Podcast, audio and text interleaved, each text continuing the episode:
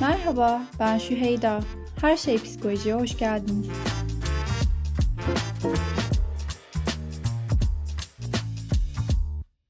Merhaba, monolog bölümünde baş başayız.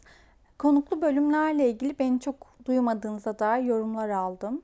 E, hatta bir konunun çok konuşmakla bile suçlandı. E, ben biri konuştuğunda tercihimi genelde dinlemekten yana kullanıyorum ama e, konuşmayı sevmediğimde pek söyleyemem. O yüzden sizden de böyle yorumlar e, gelmişken neden baş başa bölümlerimiz olmasın ki dedim ve monologda tam olarak e, buradan çıktı aslında.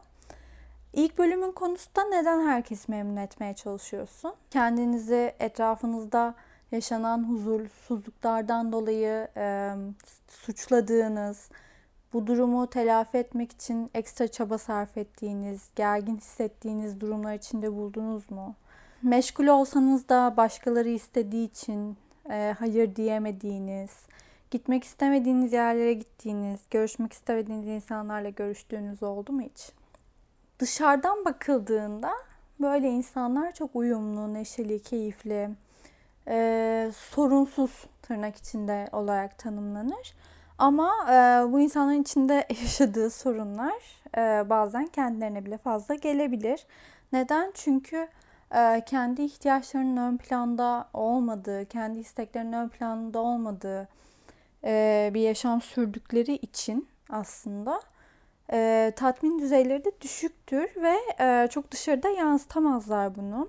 İlişkilere başlarlar, ilişkilerde e, hayır diyemedikleri için aslında bir noktaya kadar gider ilişki ve bir noktada tıkanır. Çünkü durum böyle olmasa da bazen suistimal edilebilir e, bu hayır diyememe durumu e, ve o zaman bundan rahatsız olup bir anda ilişkiyi bitirme gibi bir davranış ortaya çıkabilir.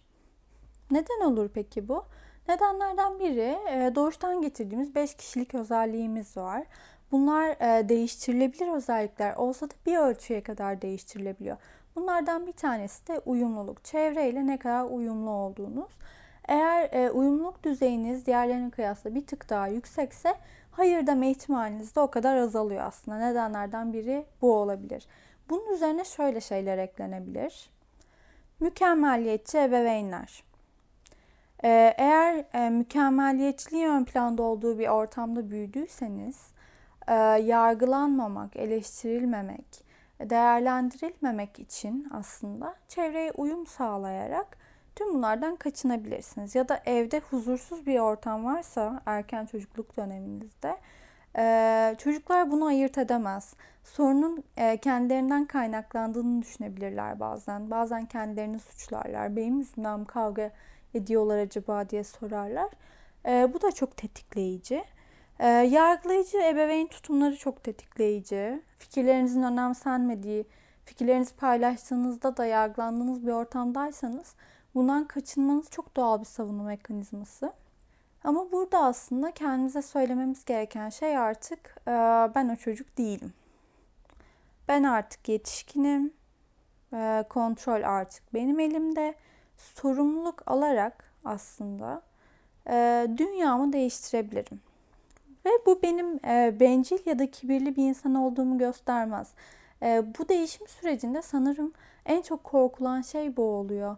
E, hep e, evet demişsiniz, ilişkiler hep bunun üzerine kurulmuş ve hayır dersem acaba a, kabul edilmez miyim, sevilmez miyim, benim bencil olduğum düşünülür mü? Ama aslında bunun e, sınırını iyi çizdikten sonra ve gerçekten bunu içtenlikle yaptıktan sonra e, bu sizin kendinize verdiğiniz değeri, sağlıklı sınırlar koyabildiğiniz ve sağlıklı ilişkiler e, kurduğunuzu gösterir. E, ve bunu yaparken de etrafınızda sizi destekleyen, yargılamayan sevdiklerinizin olması çok önemlidir. Onlar beni yargılamaz, destekler dediğiniz kim varsa bu süreçte Onlarla birlikte olmalısınız. Her şey evet derken bir anda bunu hayıra çevirmek de pek mümkün değil. Bunu da itiraf edelim. Yani ben bundan sonra istemediğim her şeye hayır diyeceğim diyerek uyandığınız bir sabahın akşamında kendinizi yine istemediğiniz bir yerde bulabilirsiniz. O yüzden biraz daha küçük başlamak. Evet kabul ediyorum. Ben şimdiye kadar bu bu bu sebeplerle böyle davranıyordum. Ama artık bunu değiştirmek istiyorum. Peki bunun için atabileceğim en küçük adım ne? Mesela şu olabilir mi? Ne hayır ne de evet demek. Cevabı ertelemek. Nasıl geliyor kulağa? Yani sana döneceğim, şu an müsait değilim, ben sana yazayım gibi cevaplar vermek ilk etapta. Sizce de hayır demekten daha kolay mı? Peki bir de tabii e, bunu yaparken nasıl iletişim kuracaksınız? Bu yüz yüze mi olacak, yazarak mı olacak, telefonla arayarak mı olacak?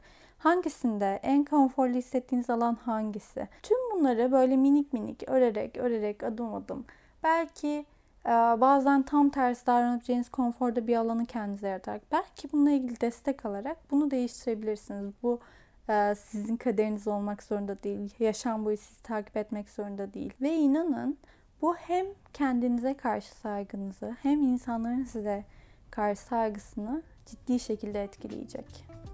Dinlediğiniz için teşekkür ederim. Görüşmek üzere.